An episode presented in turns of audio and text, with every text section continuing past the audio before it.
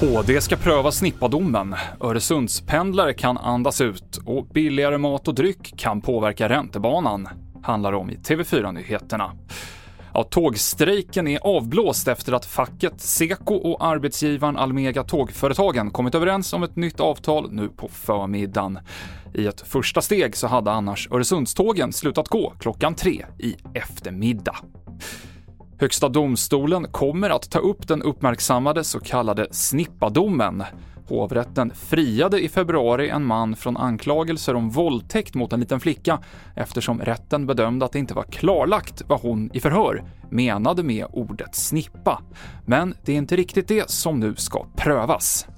Nej, inte i nuläget. Där är Högsta domstolen väldigt tydliga. Det man ska pröva det är helt enkelt om hovrätten genom att inte föra upp eller framföra att de hade kanske lite tveksamheter eller tvivel kring åklagarens gärningsbeskrivning. Eh, när man inte klargjorde de här frågetecknen och frågade rent ut eller till och med lät parterna påverka det här, då kan det ha förekommit ett rättegångsfel, det vill säga att man har brustit i den materiella processledningen.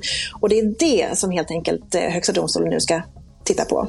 Berättade Johanna Björkman, juridisk expert. Mer om snippadomen på tv4.se. Och inflationen sjönk i Sverige i april. Den landade på 10,5 procent enligt måttet KPI.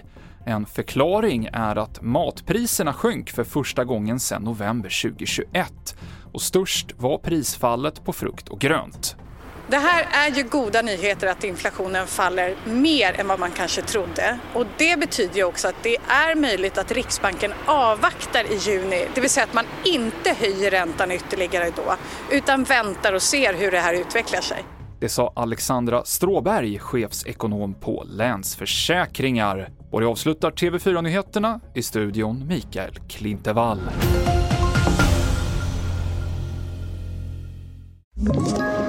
Ett poddtips från Podplay. I fallen jag aldrig glömmer djupdyker Hasse Aro i arbetet bakom några av Sveriges mest uppseendeväckande brottsutredningar. Går vi in med hemlig telefonavlyssning och, och då upplever vi att vi får en total förändring av hans beteende. Vad är det som händer nu? Vem är det som läcker? Och så säger han att jag är kriminell, jag har varit kriminell i hela mitt liv men att mörda ett barn, där går min gräns. Nya säsongen av Fallen jag aldrig glömmer på Podplay.